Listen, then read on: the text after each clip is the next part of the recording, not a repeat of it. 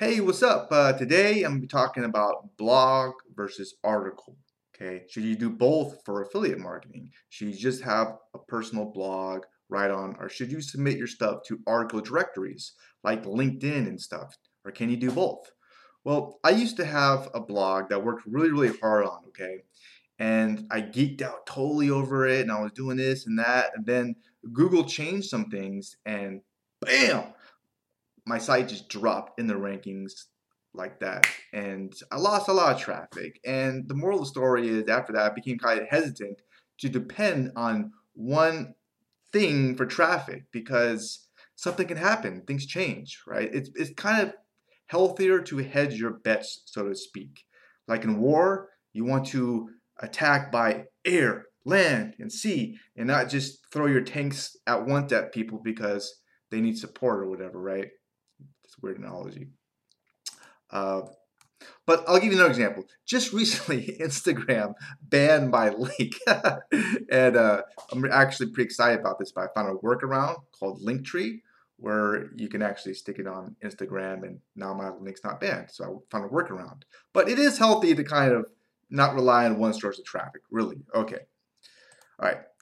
Now, some people are worried about Google's duplicate content penalty. Uh, what this means is if they write an article on their blog and also stick it on Medium or LinkedIn or who knows what, that they're going to get penalized.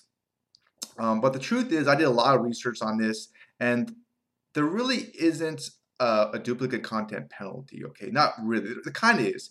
Now, what happened? There's a whole history where, and I was a part of this, where people would spam all these ARIA directories for backlinks to try to game the system. And Google got smart and goes, like, what? Okay, hold on. That's just not cool. You guys are just spamming the system, okay? Um, so, but the thing is, Google is not sure which one to rank first sometimes, but there's not really a penalty if you use some of these other major platforms uh, to get more exposure, okay? All right, so if you're going to spend the energy to write a good piece of content, uh, it doesn't hurt to leverage that content as much as you can. Okay, especially with LinkedIn, Medium, and Quora, because those are massive sites that have a lot of uh, users on them. They're like little search engines, so why not use them? All right. So if you don't post on those sites, you're actually going to be missing up, missing traffic. You're leaving money on the table, really.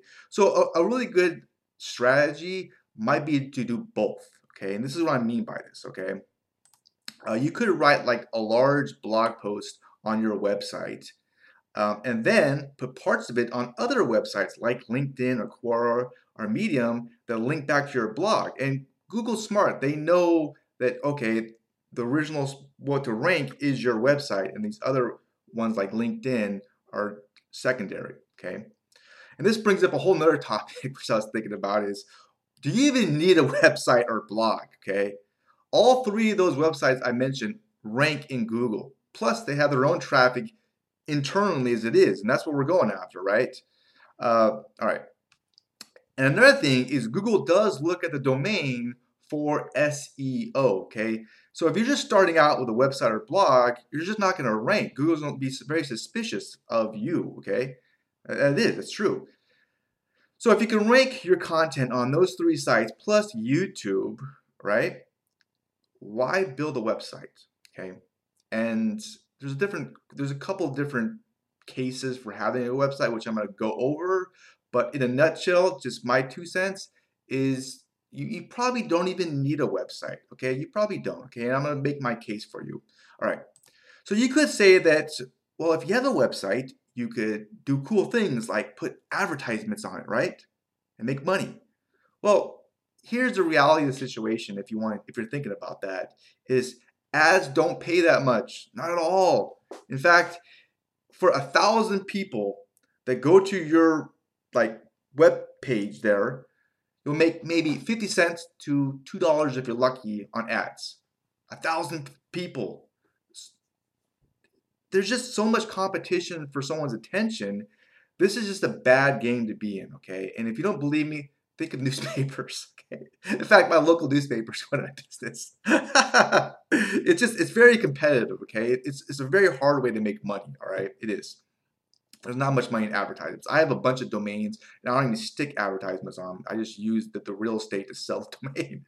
That's a whole other topic, all right? All right.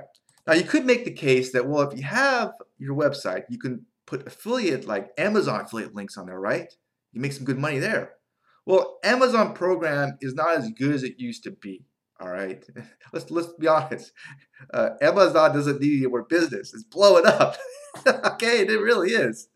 Uh, sure, the tracking lasts for 24 hours. Like, oh yeah, but if I they'll, they'll, they'll track it for 24 hours, and whatever they buy, I'll get like a little bit of money. But that's only once they buy something, that tracking stops for Amazon. Okay, so what this means is this: it used to be people would load up their carts so they can get the free shipping, but now that everyone has Amazon Prime they don't do that as much. Okay, so there really is not that as much money in Amazon for their affiliate program. Okay, you make a very small amount of money for your commission. All right, for the traffic that you're, that you're generating. All right. All right, so um, how about email marketing case, right?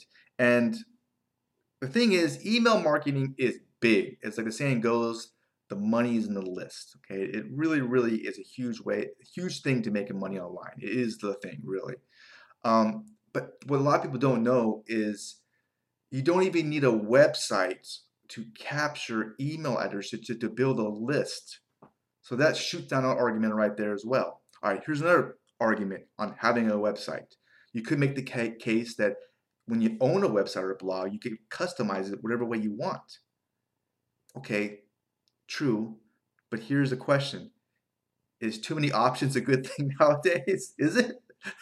Paralysis analysis? Too many choices? I don't know. It's up to you. It's personal preference. I like things simple, right? So um, I'll make the case that if you really want to make money online, forget about the confusing things out there because there's just so much information. You want to focus on what truly is important. And now you might be wondering, well, what is that? What the heck is that? Well, I've been doing affiliate marketing for many years, okay? And I've failed many times. Um, so if you want to discover my number one tip that can help you put money in your pocket, which is why we're doing this thing, right? So we can go and enjoy our life and I like to go surf and, you know, go out and do something else, then click on that link below or check out my website at trustthelink.com, okay? Um, hope you got some value from this video or podcast on blog or just article and what should you choose for affiliate marketing. If you did, uh, please hit the thumbs up button. That would just make my day, okay? I really would appreciate that a lot, all right? So I wish you the best, okay? Have a very awesome and fun rest of your day. Bye.